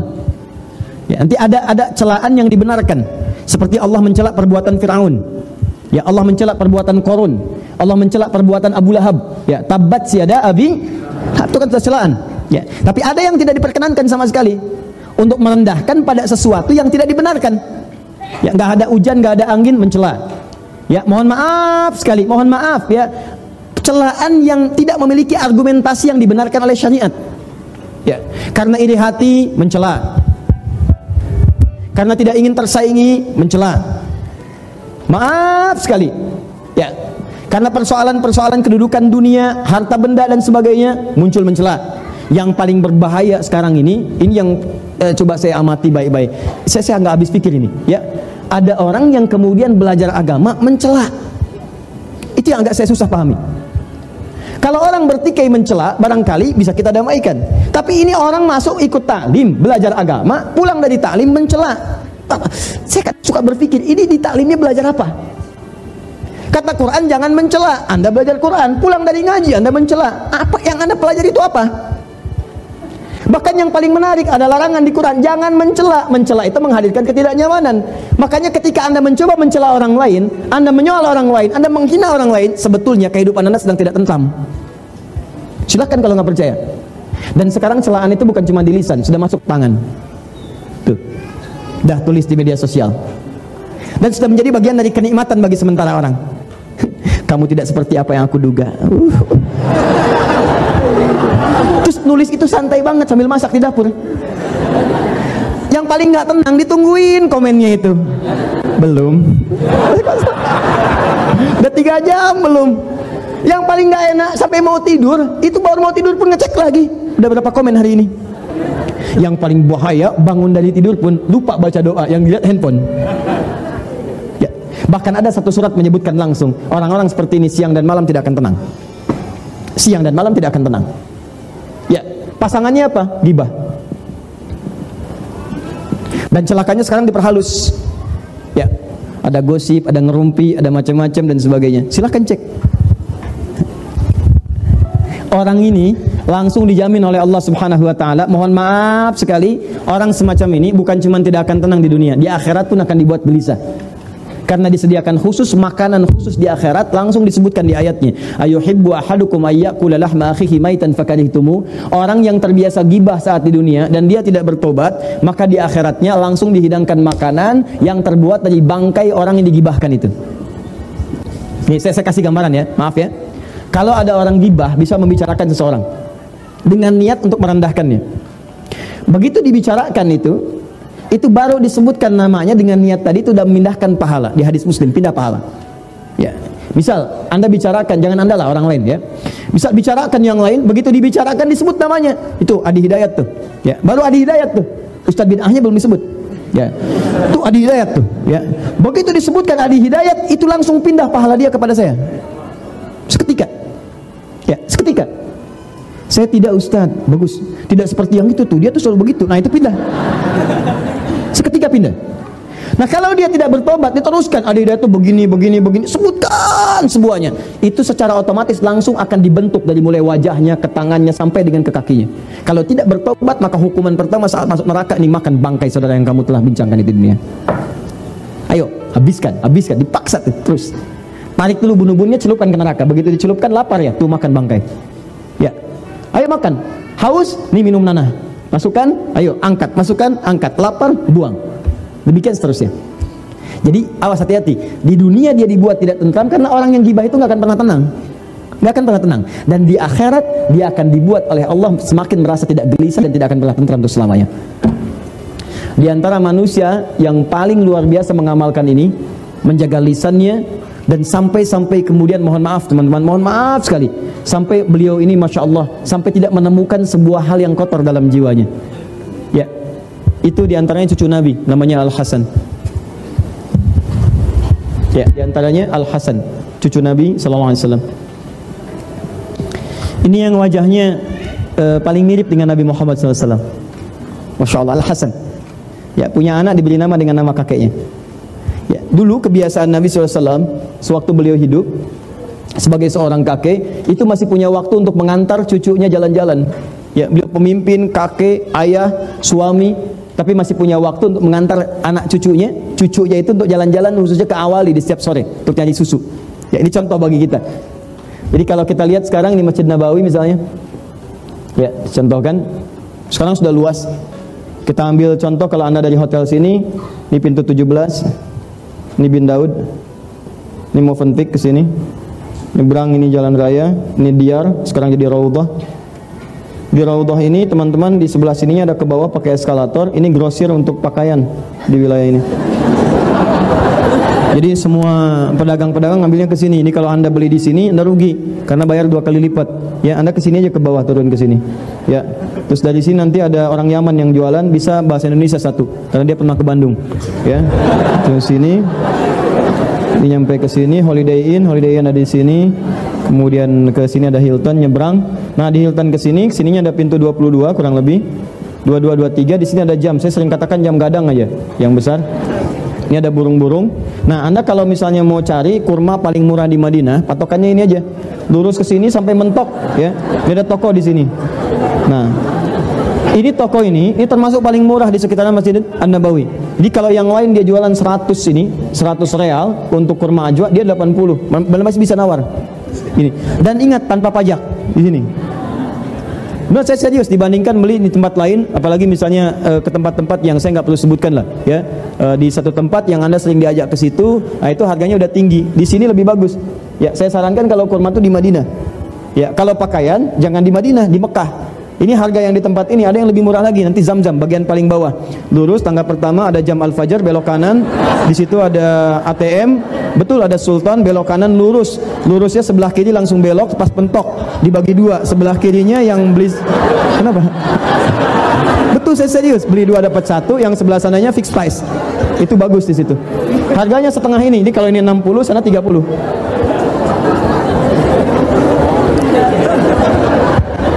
Saya hafal. Apakah Ustadz beli? Enggak. Dah. Nah, di sini ada pintu eh, Umar bin Khattab. Anda masuk. Saya mau cerita begini. Saya mau cerita di sini. Ini masjid pertama nih segini aja luasnya nih. Ini pintu Babu Salam, ini Baki, ini Raudah di sini. Babu Salam di sini, ini Baki lewat sini. Ini ada mihrabnya uh, di sini tambahan Utsman bin Affan. Ini ada mihrab lagi di sini, dan mihrab Abu Hanifah. Di sini sahabat Umar bin Khattab pernah ditikam sampai dengan kemudian sekarat dan wafat di sebelah sini posisinya. Ya. Kemudian di sini ada raudhah, ya di sini eh, kamar Nabi, di sini mimbar selastanya. Di sini ada mihrab tahajud di sebelah sini ini rumahnya Ali bin Abi Thalib. Di sini sofa. Sofa itu orang-orang yang datang untuk belajar kepada Nabi. Ya di situ dia dapat beasiswa. Beasiswanya dalam bentuk pendidikan dari Nabi. Dikasih makan kasih apa termasuk sahabat Abu Hurairah Salman Al Farisi tempatnya di sini. Ya. Nah ini teman-teman sekalian arahnya ini arah yang ke sebelah sana. Ini yang ke awal ini saya berdoa mudah-mudahan yang belum umrah atau haji disegerakan insya Allah ya. Ya dan tidak cukup dengan amin nabung nah ini ke awali jadi kalau anda ke masjid Nabi nanti yang area ini ini yang karpet merah. Karpet merah yang atasnya ada lampu-lampunya. Keluar dari sini, ini nanti ada area terbuka. Di sini ada tulisan nih, masjid pertama yang dibangun ini. Yang menggunakan ayat Al-Quran di surah At-Taubah. Di sininya ada tulisan sahabat-sahabat Nabi, nama-namanya. Ya, sampai dengan ke cucu Nabi. Nabi biasa bawa cucunya ke sini nih, jalan-jalan ke awal untuk beli susu. Al Hasan dengan Al Husain. Sini arahnya. Sekarang jadi mall ke sebelah sananya. Ini baki ke sebelah sini, baki korkan. Nah, ini yang saya maksudkan, kebiasaan itu diterapkan lagi oleh cucunya setelah dewasa. Di masa fitnah kubra yang paling dahsyat luar biasa, itu anak ini Al Hasan setelah tumbuh dewasa ngajak anaknya dengan nama kakeknya Muhammad jalan-jalan. Perhatikan bagaimana cucu Nabi ini luar biasanya menerapkan kaidah-kaidah tadi. Kata kakeknya bicara yang baik, kalau nggak mampu diam. Di masa fitnah kubra banyak fitnah bertebaran, begitu sedang jalan-jalan berdua tiba-tiba datang seseorang mencela habis Al Hasan dengan cucunya, dengan dengan anaknya. Habis celaan. Apakah Al Hasan membalas? Beliau cuma begini aja, diam. Begitu selesai, Orang itu pergi fantalaqa faqala maka anaknya berkata kepada ayahandanya. Lihat kalimatnya. Ya abati lima lam taru. Satu, ya abati. Dalam bahasa Arab itu panggilan ayah termasuk ibu itu ada tiga jenis Pak Bu. Satu abi untuk ayah. Kedua buya. Ketiga abati. Untuk ibu, umi, moya, dan amati. Ummi, Umayyah atau Muya dan amati. Abi dan ummi itu panggilan hormat. Jadi kalau kita ingin menghormati orang tua kita, kita panggil abi atau ummi. Buya atau muya atau umayya itu panggilan sayang. Jadi kalau Anda ingin menunjukkan sayang misalnya pada ayah, atau sekarang diperluas panggilan sayang pada seseorang walaupun bukan ayah kita. Karena aspek yang lain, karena ilmunya, karena akhlaknya. Buya Hamka bukan ayah saya, tapi saya panggil beliau Buya. Ya, karena akhlaknya, ilmunya dan keutamaannya yang kita bisa dapatkan. Tapi kalau Anda ingin gabungkan dua hal ini, Abi dan Buya digabungkan maka berubah kalimatnya jadi abati namanya. Kalau ibu amati. Abati. Dalam Quran tidak pernah Anda temukan kalimat panggilan anak kepada orang tua kecuali menggunakan kata abati. Ya, maaf, maaf Ismail kepada ayahnya Ibrahim alaihi wasallam. Ya abati fa'al ma tumar. Ya abati, ya abati, ya abati. Buku Quran surah 37 itu, ayat 102 sampai dengan 107-nya. Ya abati fa'al ma tumar. Ya abati, duhai ayahanda karena hormat nanda dan sayang nanda kepada ayah. Ini isyarat dalam Quran, Anda ajarkan anak Anda dengan kemuliaan, maka dia akan membalas dengan yang lebih baik lagi. Ya, tapi tidak harus panggilan yang sama. Maksudnya cari panggilan-panggilan yang menghadirkan sayang dan hormat. Jangan sampai ada panggilan anak ke orang tua tuh kayak teman. Atau nggak terlihat unsur penghormatannya kayak di barat sekarang. Ya, panggil nama sebegitunya saja. Kata Quran tidak. Bedakan. Anda silahkan misalnya sebutkan dengan panggilan ayah, papa, mama, dengan cari panggilan hormat dan sayang. Jangan sampai Anda sematkan kepada anak mengajari panggilan seakan-akan kehormatan Anda runtuh di situ. Hei, kalau panggil papa nanti jangan papa, friend. Oh. Begitu datang WhatsApp, men, oh, luar biasa. Friend. Nah, itu itu hilang kehormatannya. Anda boleh panggil dengan nama-nama yang indah sesuai dengan bahasa kita. Coba hadirkan nama itu. Ya unsur tadi hadirkan sayang dan hormat walaupun tidak harus dengan nama yang sama apalagi kalau belum paham. Ibu sekarang paham, oh panggilan indah dan sayang itu amati. Tiba-tiba Anda pulang ke rumah, ibu nggak ikut sekarang. Begitu pulang ke rumah langsung dibuka pintu. Ya amati. Wah, kata ibu Anda, kamu ya, mama belum mati. Karena belum paham. Ya abati lima lam tarud. Kata anaknya Al Hasan, "Pa, demi hormat Nanda pada papa dan sayang Nanda, Nanda pengen tahu kenapa papa nggak balas. Kenapa papa nggak balas? Kok papa tuh diam, tenang aja kayak nggak ada apa-apa. Padahal kan kita barusan dihina, dicela, dimaki. Papa kenapa diam saja? Perhatikan jawabannya. Wala adri kaifa arid. Ya bunayya la adri kaifa arid. Nah, papa itu nggak tahu bagaimana cara membalasnya. Mau nyari kosakata ke dalam jiwa untuk sekedar mengatakan saya tidak seperti yang Anda duga. Atau misalnya Anda tidak tidak lebih baik daripada apa yang Anda sangkakan kepada saya. Itu nyari kalimat itu pun nggak ketemu, takutnya itu jadi celaan juga. Anda bayangkan tuh. Maka hidup orang seperti itu itu diberi ketenangan oleh Allah seakan-akan nggak ada gangguan. Dia orang mau menghina satu buku pun, dia kayaknya nggak ada satu huruf pun nggak ditemukan untuk balas. Makanya ketika tidak menemukan balasan, dia tidak tidak gelisah mencarinya. Nyari gitu. Kan ada orang baru dihina satu huruf, dia balas satu buku. Ya. Itu orang capek. Ya. Tapi ada orang-orang yang dibuka oleh Allah, dilapangkan hatinya. Jadi begitu masuk pun, ah tenang aja masuk biasa, biasa, biasa, biasa, biasa. Kayak nggak ada pengaruh. Siapakah orang itu? Ini orang yang berlatih menata lisannya selalu dalam kebaikan dan mengabaikan setiap yang buruk yang tidak Allah perkenankan. Maka orang itu akan dijaga ketenangan. Dan sifat orang ini ketika diluaskan hatinya, maka hal yang Allah berikan kepadanya pertama kali adalah apa teman-teman sekalian? Allah akan tutup semua persoalan dengan orang-orang yang menyoalnya. Itu rumus yang ada di Quran surah ketiga ayat 133 sampai 134. وسارعوا إلى مغفرة من ربكم وجنة أرضها السماوات والأرض أعدت للمتقين الذين ينفقون في السراء والضراء والكاظمين الغيظ والعافين عن والله يحب ada orang-orang yang ketika dicela tahan amarah, tahan amarah, langsung maafkan, langsung maafkan. Perhatikan orang-orang ini. Jadi ketika Anda misalnya disoal oleh orang lain, Anda dicela, Anda dihina, kemudian Anda maafkan orang itu, Anda lepaskan itu, maka apa yang terjadi? Kata Allah, urusan Anda dengan orang itu akan diputus. Maksud diputus itu Anda nggak usah mikirin dia lagi. Dia Anda nggak akan kepikiran. Jadi kalau ada orang mencela Anda yang tidak merugikan Anda secara materi, ya mencela fisik, mencela ini, mencela itu dengan tujuan menjatuhkan Anda misal atau menghinakan Anda, Anda nggak balas, Anda maafkan aja. Saya maafkan sudah. Maka urusan Anda dengan orang itu akan langsung oleh Allah disekat, ditutup.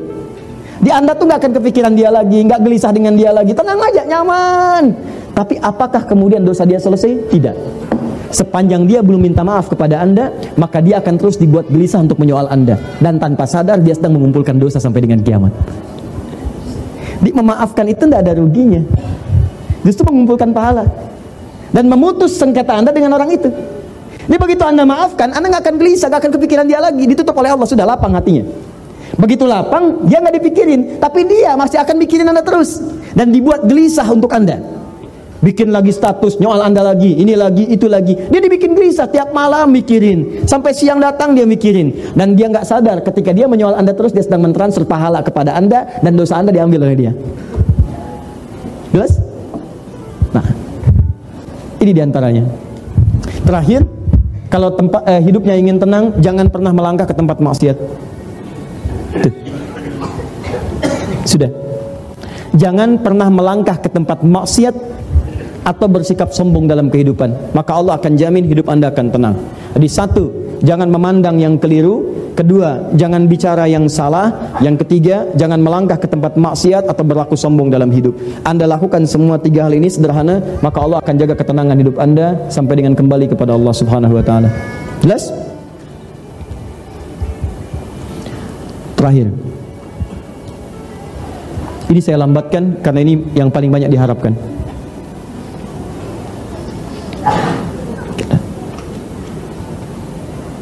Saya hapus dulu ini.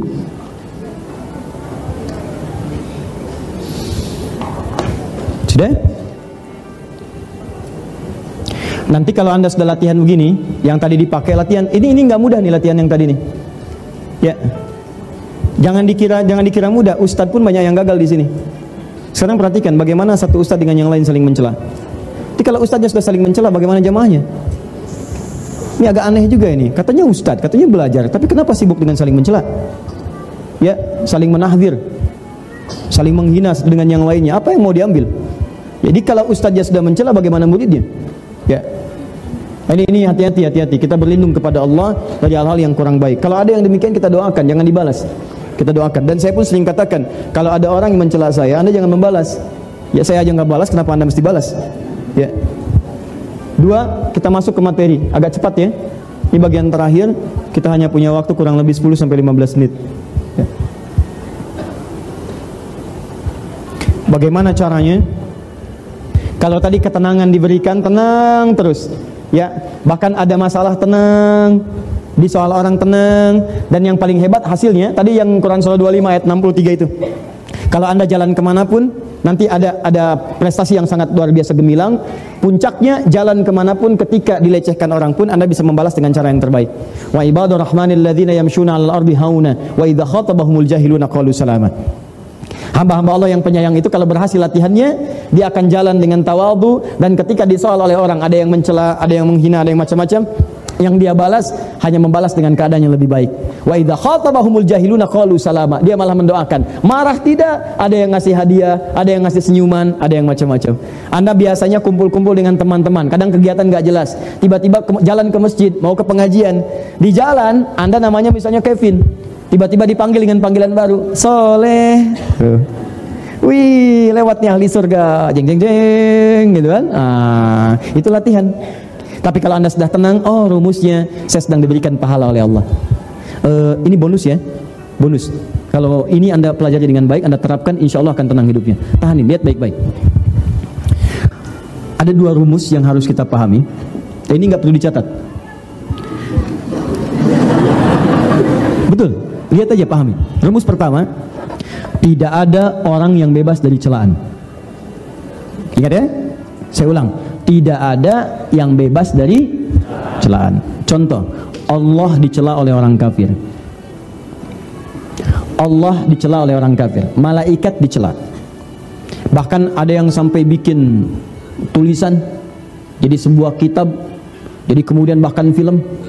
Dulu ada film namanya Konstantin, Konstantin judulnya. Itu pemerannya Keanu Reeves.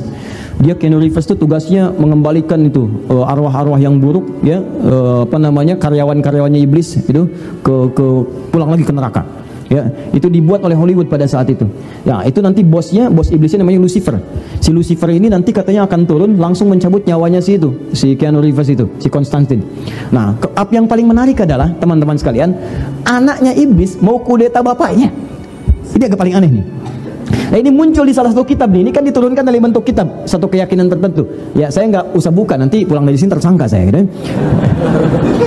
Tapi ini ada betul. Jadi dia mau kudeta bapaknya nih, kudeta Lucifer. Apa yang terjadi? Karena dia nggak punya kekuatan, dia kerjasama. Dengan siapa kerjasamanya? Dengan malaikat Jibril. Anda bayangin tuh. Nah ini ini ada pemahaman-pemahaman yang tidak tepat muncul kemudian. Ya, yang mau saya katakan adalah perhatikan baik-baik di sini, malaikat aja dicela. Padahal kata Al-Quran surah ke-66 ayat ke-6 paling kiri sebelah atas la ya'sunallaha ma amarahum wa yaf'aluna ma yu'marun. Malaikat tidak akan bermaksiat kepada Allah mengerjakan tugas sesuai tupoksinya. Tukeran tugas aja enggak. Walaupun Firaun itu manusia paling menjengkelkan, tetap yang nyabut nyawanya malaikat maut.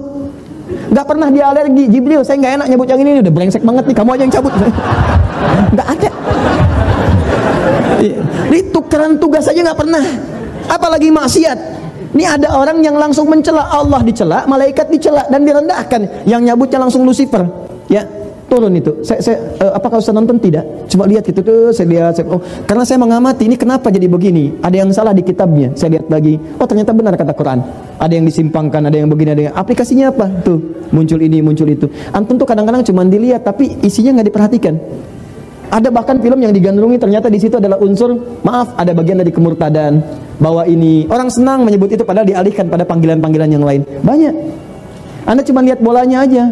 Nggak dilihat bagaimana Anda kehilangan tahajud Anda di situ. Anda kehilangan bacaan Quran Anda di situ. Dua jam dilihat di situ. Tapi diskusi aja nggak nyambung. Siapa pelatihnya Liverpool? Nggak tahu. Jurgen Klopp. Ya. Skornya berapa kemarin? Satu-satu. Menit ketiga golnya, dibalas menit ke-45 saat lawan Leicester City. Leicester City dulunya siapa pelatihnya? Ayo, sebelum yang sekarang. Tuh. Ranieri, siapa Ranieri itu? Dulunya di Chelsea, cuma di Chelsea kemudian pindah, dipecat, gantikan Mourinho. Mourinho kemudian pindah lagi ke Madrid, ya dari Inter Milan sebelumnya. Dari Madrid pindah lagi ke Manchester United, dipecat setelah 5 bulan, digantikan oleh Solskjaer. Sekarang posisinya nomor 6. Nomor 1 siapa? Liverpool, poinnya 5 bedanya dengan Manchester City. Manchester City kemudian kedua Pep Guardiola pelatihnya. Sebelumnya di sebelumnya di mana? Di Bayern Munchen. Sebelumnya lagi di mana? Di Barcelona. Hafal saya. Ya. Apakah nonton? Tidak. Tidak, saya nggak nonton. Ketiga Tottenham Hotspur. Saya tahu pelatihnya Pochettino, dia sedang diawasi sekarang, ingin diambil oleh Madrid. Tapi uh, Jurgen uh, Perez itu sedang negosiasi ya dengan Mourinho, balik-balik lagi ke situ gitu kan. Saingannya dengan PSG. Saya tahu saya. Ya, PSG Neymar sedang cedera saya tahu. Ya, Juventus dikalahkan 3-0 terdapat dari Copa Italia saya tahu. Roma di rumah 7-1 saya paham. Ya. Apakah nonton? Tidak. Ya. Kantor PSSI disegel, saya tahu. ya. Marinus masuk timnas saya tahu gitu kan. Apakah nonton? Tidak. Ngapain kemudian kita gadaikan tahajud malam hari yang beritanya besok bisa dibaca? Ya, Anda nonton iya, tapi pengetahuan nggak ada. Ya. Apa yang mau dibanggakan? Eh. Tadi berapa skornya? Uh, satu sama Liverpool. Siapa yang golin? Lupa saya. Wah. Terus mainnya bisa. Ayo. Ya, jadi ah apa jangan buang-buang waktu pada yang tidak jelas. Ya, ini pun ngabisin waktu nih cuma cerita begini aja. Ya. Tuh. Allah dihina, malaikat dihina, nabi dihina. Nabi kan dihina. Abu Jahal menghina nabi.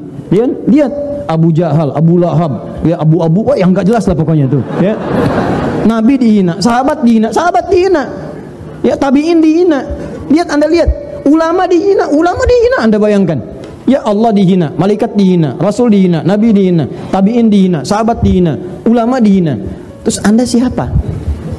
Anda Tuhan bukan, malaikat bukan, rasul bukan, nabi bukan, sahabat bukan, tabi'in bukan, ulama bukan, imam bukan, makmum kadang-kadang. Terus, terus Anda nggak pengen dicela? Anda siapa? Itu rumus pertama, tidak ada manusia yang bebas dari celaan. Rumus yang kedua, celaan itu cuma dua bentuknya. Dan Anda harus melihat Anda di posisi yang mana. Pertama, ada celaan dari orang baik kepada orang yang kurang baik. Yang kedua, ada celaan yang dari yang kurang baik kepada orang baik. Jika Anda orang yang baik, maka Anda akan dicela oleh orang yang tidak baik. Jika Anda orang yang belum baik, maka Anda akan dicela oleh orang yang baik. Nah, kalau Anda mendapat celaan dari orang baik, itu sebetulnya bukan celaan, cuma titipan dari Allah supaya mengingatkan Anda untuk berubah. Tapi kalau anda dicela oleh orang yang tidak baik, anda nggak usah marah. Kenapa? Karena itu pujian dari Allah dititipkan di lisan orang yang kurang baik untuk mengakui bahwa anda telah jadi baik.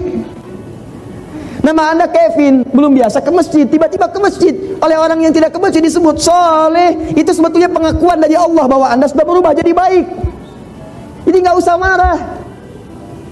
Ingat, mencela yang sudah tercela itu buang-buang energi. Ya kalau anda disoal orang yang tidak baik, jangan marah. Kata Allah senyumin aja. Bersyukur karena Allah sedang mengakui anda sudah berubah jadi baik. Dan gak harus dibalas dengan kebanggaan. Soleh emang. Alhamdulillah ya, saya bersyukur pada Allah. Kenapa Allah telah menggerakkan lisan anda untuk menganggap saya soleh? Paham? Nah, satu, cara bersyukur terhadap harta supaya hartanya nambah.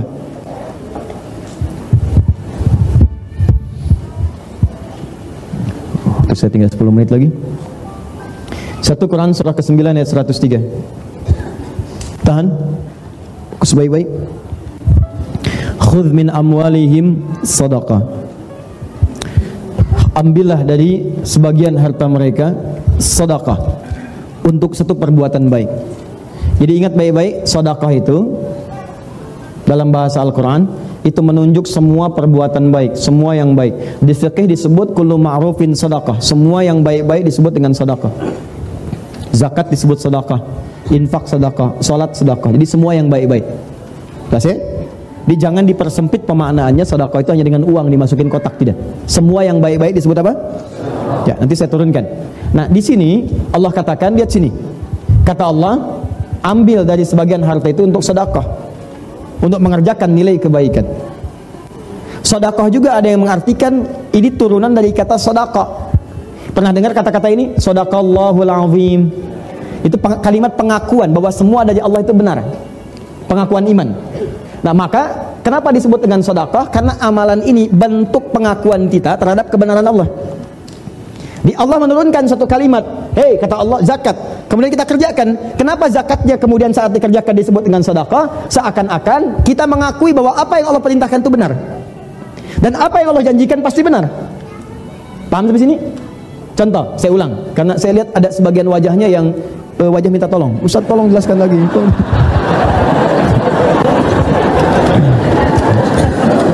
Sadaqah. Lihat sini. Sadaqah. Pertama dipahami semua perbuatan yang baik-baik. Jelas? Jelas. Di semua jenis kebaikan disebut apa? Nama umumnya.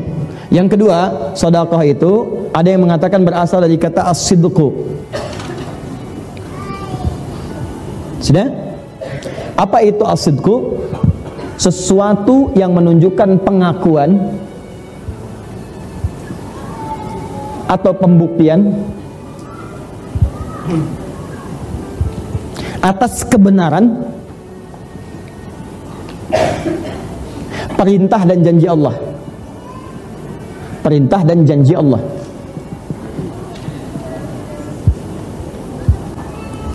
Sudah? Pengakuan atau pembuktian atas kebenaran perintah dan janji Allah Subhanahu wa taala. Aplikasinya begini contoh. Di sini ayatnya tentang zakat terkait harta. Kata Allah, ambil dari sebagian hartamu kalau sudah mencukupi syarat dan ketentuannya untuk zakat. Kenapa zakat disebut sedekah? Karena saat zakat yang ditunaikan, pertama dia mengandung unsur kebaikan. Bukankah saat berzakat ada nilai kebaikan di situ? Ya, orang bisa dibantu, kita dapat pahala, baik kan? Yang kedua, dengan kita menunaikan zakat ini berarti kita mengakui bahwa perintah Allah ini benar. Benar, kita membenarkan perintah Allah, kita tidak melanggarnya. Jadi begitu Allah katakan kamu zakat, kalau anda ingin disebut sebagai hamba yang membenarkan perintah Allah, mengakui ketentuan Allah itu benar, maka buktikan. Buktinya saya keluarkan. Begitu anda keluarkan, kenapa disebut dengan sedekah? Saya sedang membenarkan perintah Allah Subhanahu Wa Taala. Seakan-akan katakan ya Allah benar apa yang kamu sampaikan. Kalaupun saya belum paham hikmahnya, saya tetap kerjakan untuk membuktikan bahwa semua yang berasal darimu semua benar. Jelas? Yang kedua, dengan kita mengamalkan ini kita membenarkan janji Allah. Nah pertanyaannya apa yang Allah janjikan lewat amalan-amalan tadi? Ternyata orang yang berzakat itu dijanjikan oleh Allah Subhanahu wa taala hartanya bukan berkurang tapi bertambah. Makanya kenapa zakat di Quran disebut sedekah? Anda diminta yakin ya untuk membenarkan janji Allah. Allah berjanji kalau kamu keluarkan saya tambah bukan saya kurangi. Makanya ketika anda keluarkan, kenapa disebut sodakah? Khud min amwalim sodakah. Nah Allah ingin meminta anda sepanjang kemudian kekuatan diri anda, yakinkan pada diri anda bahwa saat mengeluarkan zakat itu anda sedang menambah harta, bukan menguranginya. Dan benarkanlah janji Allah karena Allah kalau sudah berjanji tidak akan pernah mengingkari. Ya Quran surah 3 ayat 9. Innallaha la yukhliful Pertanyaannya, Ustadz tahu dari mana kalau berzakat itu hartanya bertambah bukan berkurang?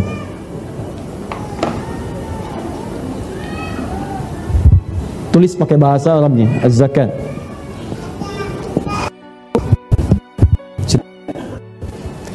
Ustaz tahu dari mana kalau saya berzakat itu bisa nambah bukan berkurang. Pertama dari namanya zakat.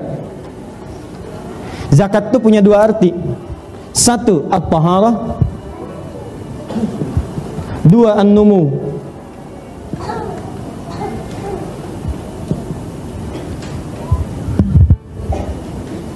Sudah? At-taharah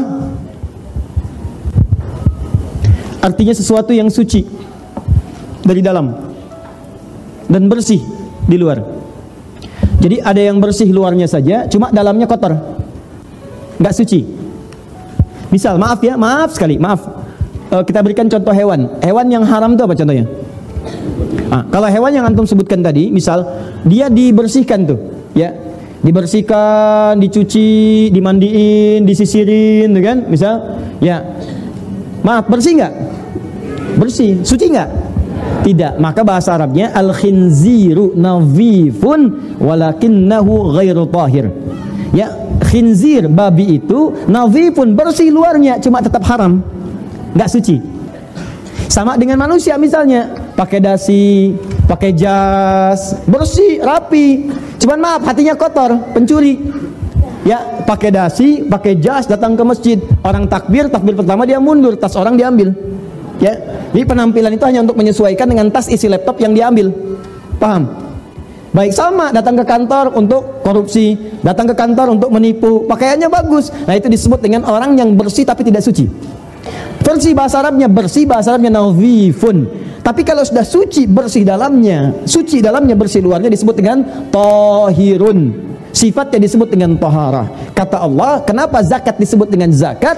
Wa aqimus shalah wa atuz zakat. Zakat. Kenapa disebut zakat?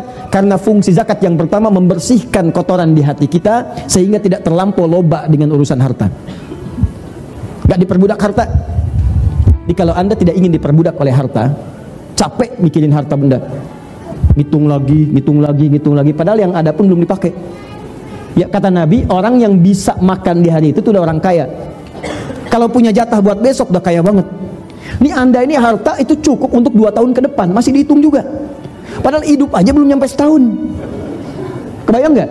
Nah, jadi ada orang yang diperbudak dengan harta, ngitung, ngitung, ngitung, ngitung. Dan yang paling bahaya adalah ketika dia sudah pelit dengan dirinya sendiri.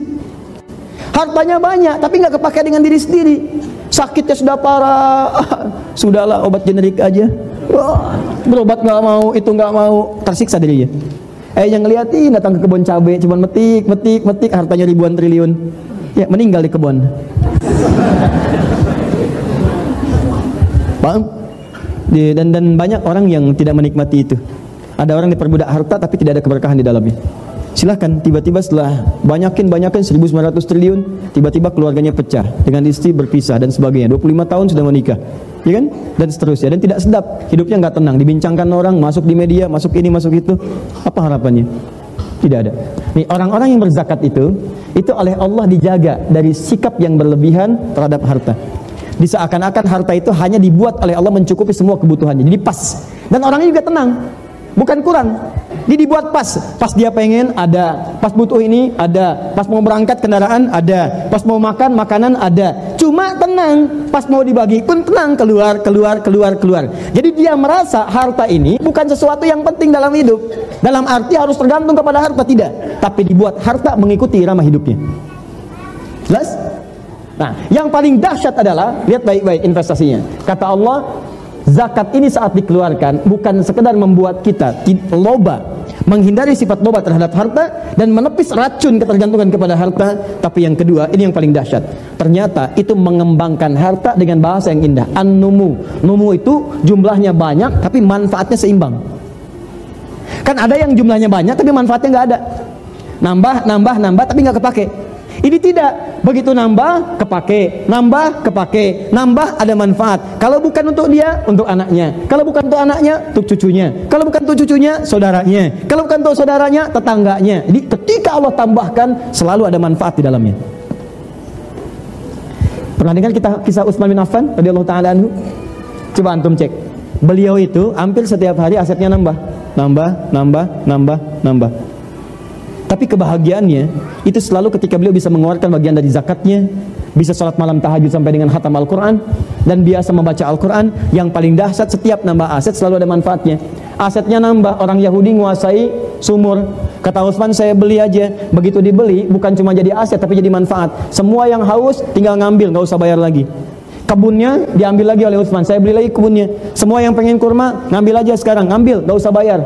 Yang lapar ambil, yang haus tinggal minum miliknya tetap milik Utsman dan ini kan terus bergerak kan nilainya. Setiap masa berganti ini nilainya terus bergerak. Sampai sekarang asetnya masih ada. Dijadikan apa? Disiapkan untuk penginapan.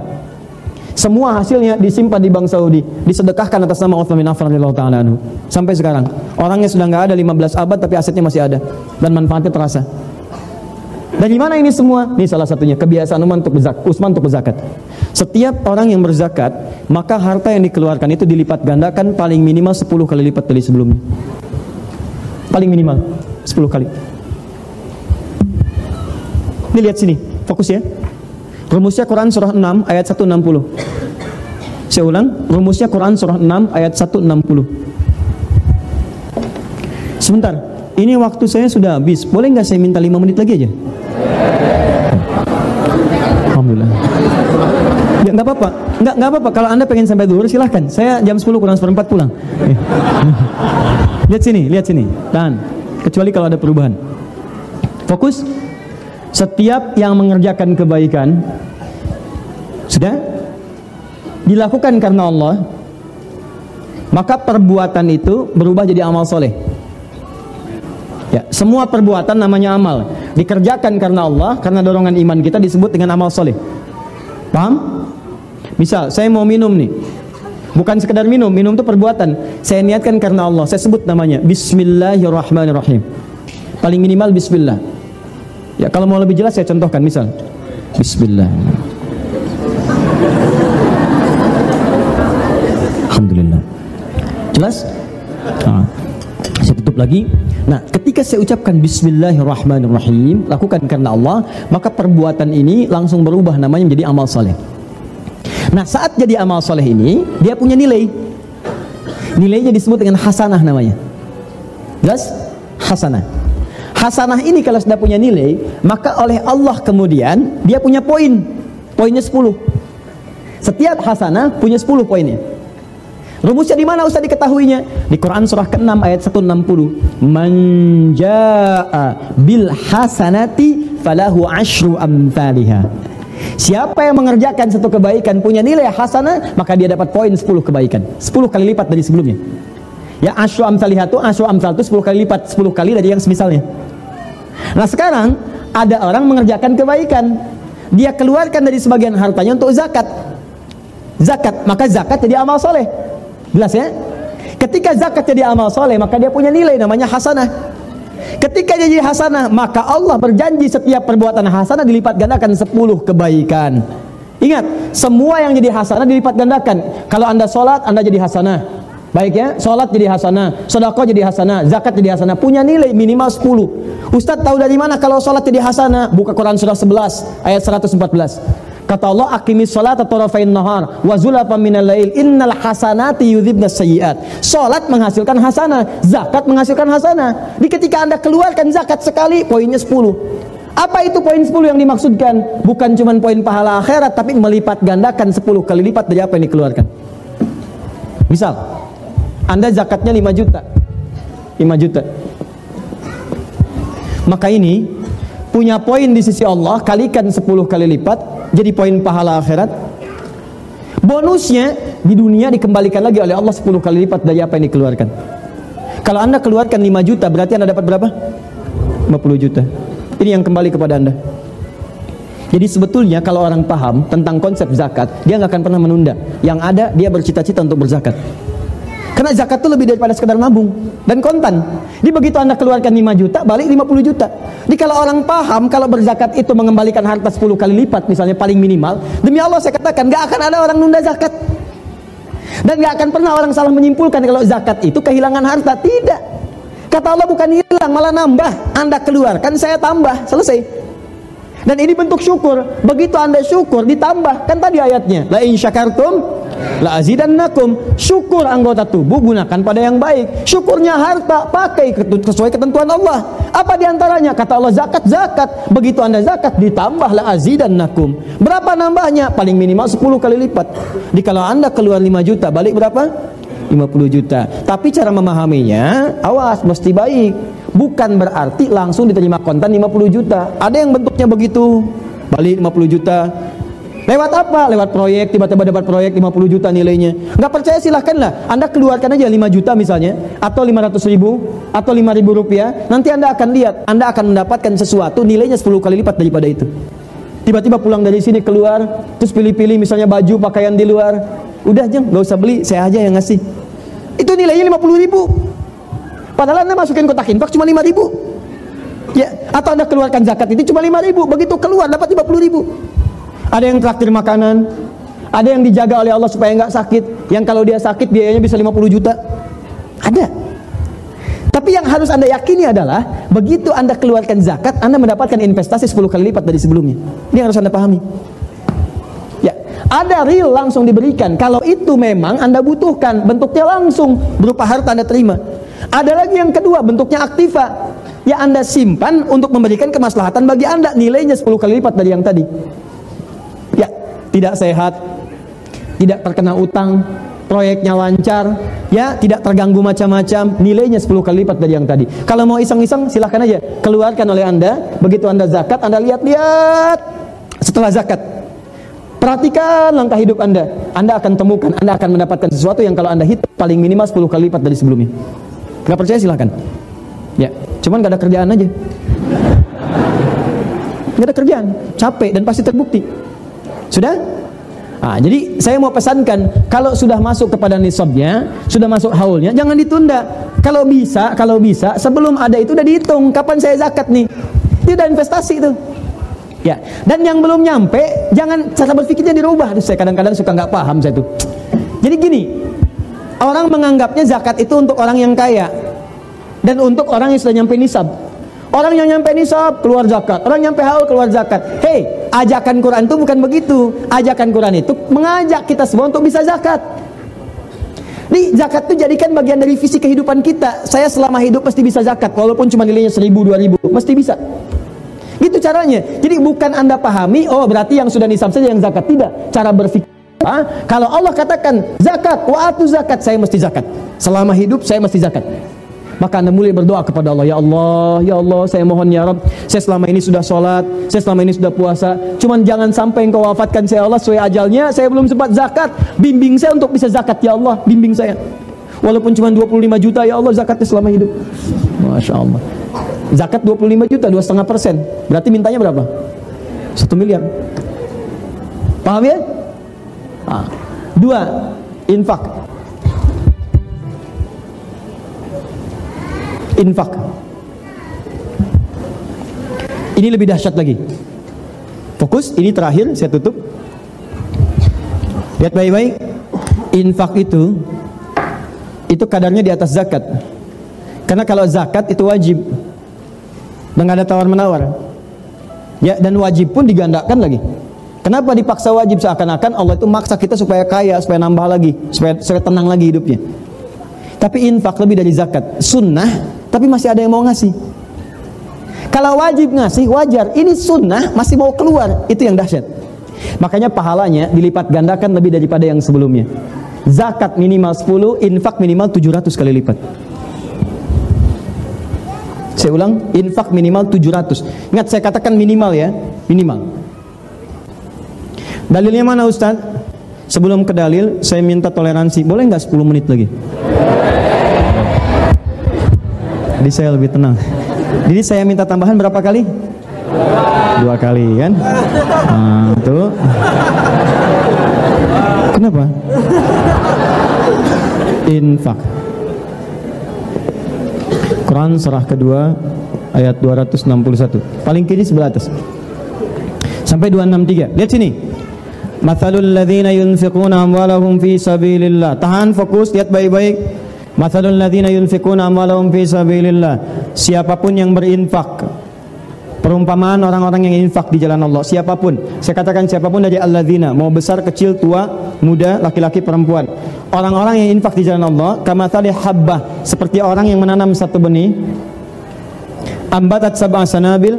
Tumbuh dia jadi tujuh tangkai Tumbuh naik jadi tujuh Kali tujuh Fikulli sumbulatu mi'atu habbah Dari setiap tujuh tangkai ini Ada seratus lagi Buahnya, benih yang baru Kali seratus satu kali tujuh berapa? Tujuh kali seratus? Tujuh ratus. Maka sepakat nih kalangan penafsir, sepakat. Orang yang infak itu, pahalanya dilipat gandakan, buahnya itu minimal tujuh ratus kali lipat. Dari apa yang ia keluarkan. Ustadz kok lebih tinggi daripada zakat? Karena zakat itu wajib. Kalau orang mengerjakan kewajiban wajar, karena memang wajib dia kerjakan. Salat fardu 17 rakaat, kalau Anda kerjakan 17 rakaat jangan bangga, emang wajib. Ya, yang hebat itu kalau Anda udah bisa mengerjakan yang sunnah, tahajud, bangun. Orang bangun jam 5, Anda bangun jam 3, orang jam 3 Anda bangun setengah 2, kan? Setengah 2 salat, Masya Allah khusyuk minta pada Allah. 11 rakaat sampai dengan jam 4 kurang seperempat ya. Kemudian Anda zikir, zikir, zikir, kerjakan sunnah Nabi, miring sebentar ke kanan sambil tiduran, gak kerasa bangun jam 6, jangan?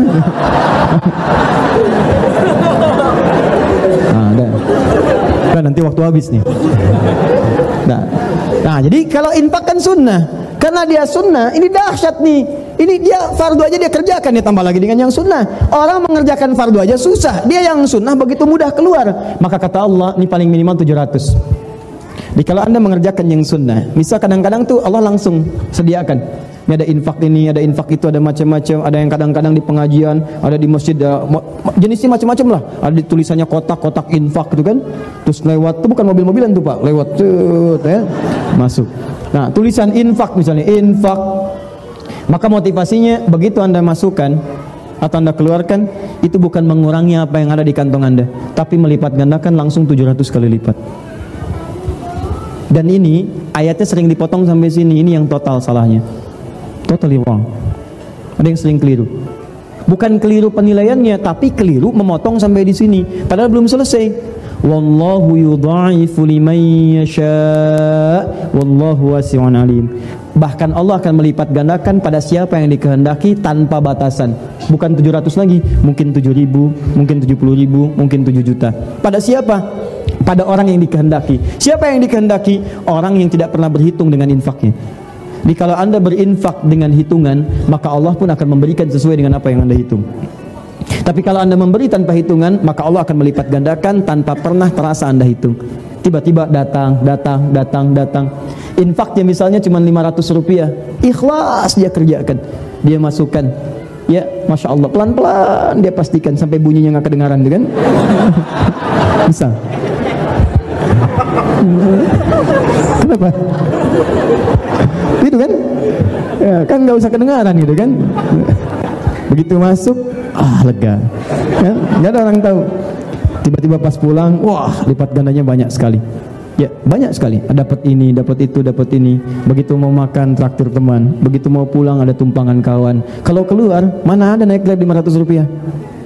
Ya, naik ojek 500 sekarang hampir nggak ditemukan tapi masya Allah ada ada ada ada jelas ini poinnya jadi kalau ada infak gak usah takut nah cuma persoalannya Allah janji yang melipat lagi ini hanya di infak kalau anda kerjakan infak ini maka ukurannya bukan sekedar 700 tapi akan bertambah ganda lagi bahkan yang paling dahsyat ada yang luar biasa ada orang infak ketika berinfak pada satu orang ini itu tiba-tiba bisa berpeluang mendapatkan surga dan ridha Allah Subhanahu wa taala. Dah, dinilainya udah nggak usah pakai hitungan ini. Dia mendapatkan ridha Allah yang mengantarkan dia ke surga. Berinfak pada satu golongan ini, satu aja. Maka ketika beliau itu ridha, ridha Allah turun, surga kemudian datang. Ada lima urutannya, ada satu golongan yang pertama. Nah, siapakah lima golongan ini dan urutan yang pertamanya? Itulah yang kita bahas nanti di pertemuan berikutnya.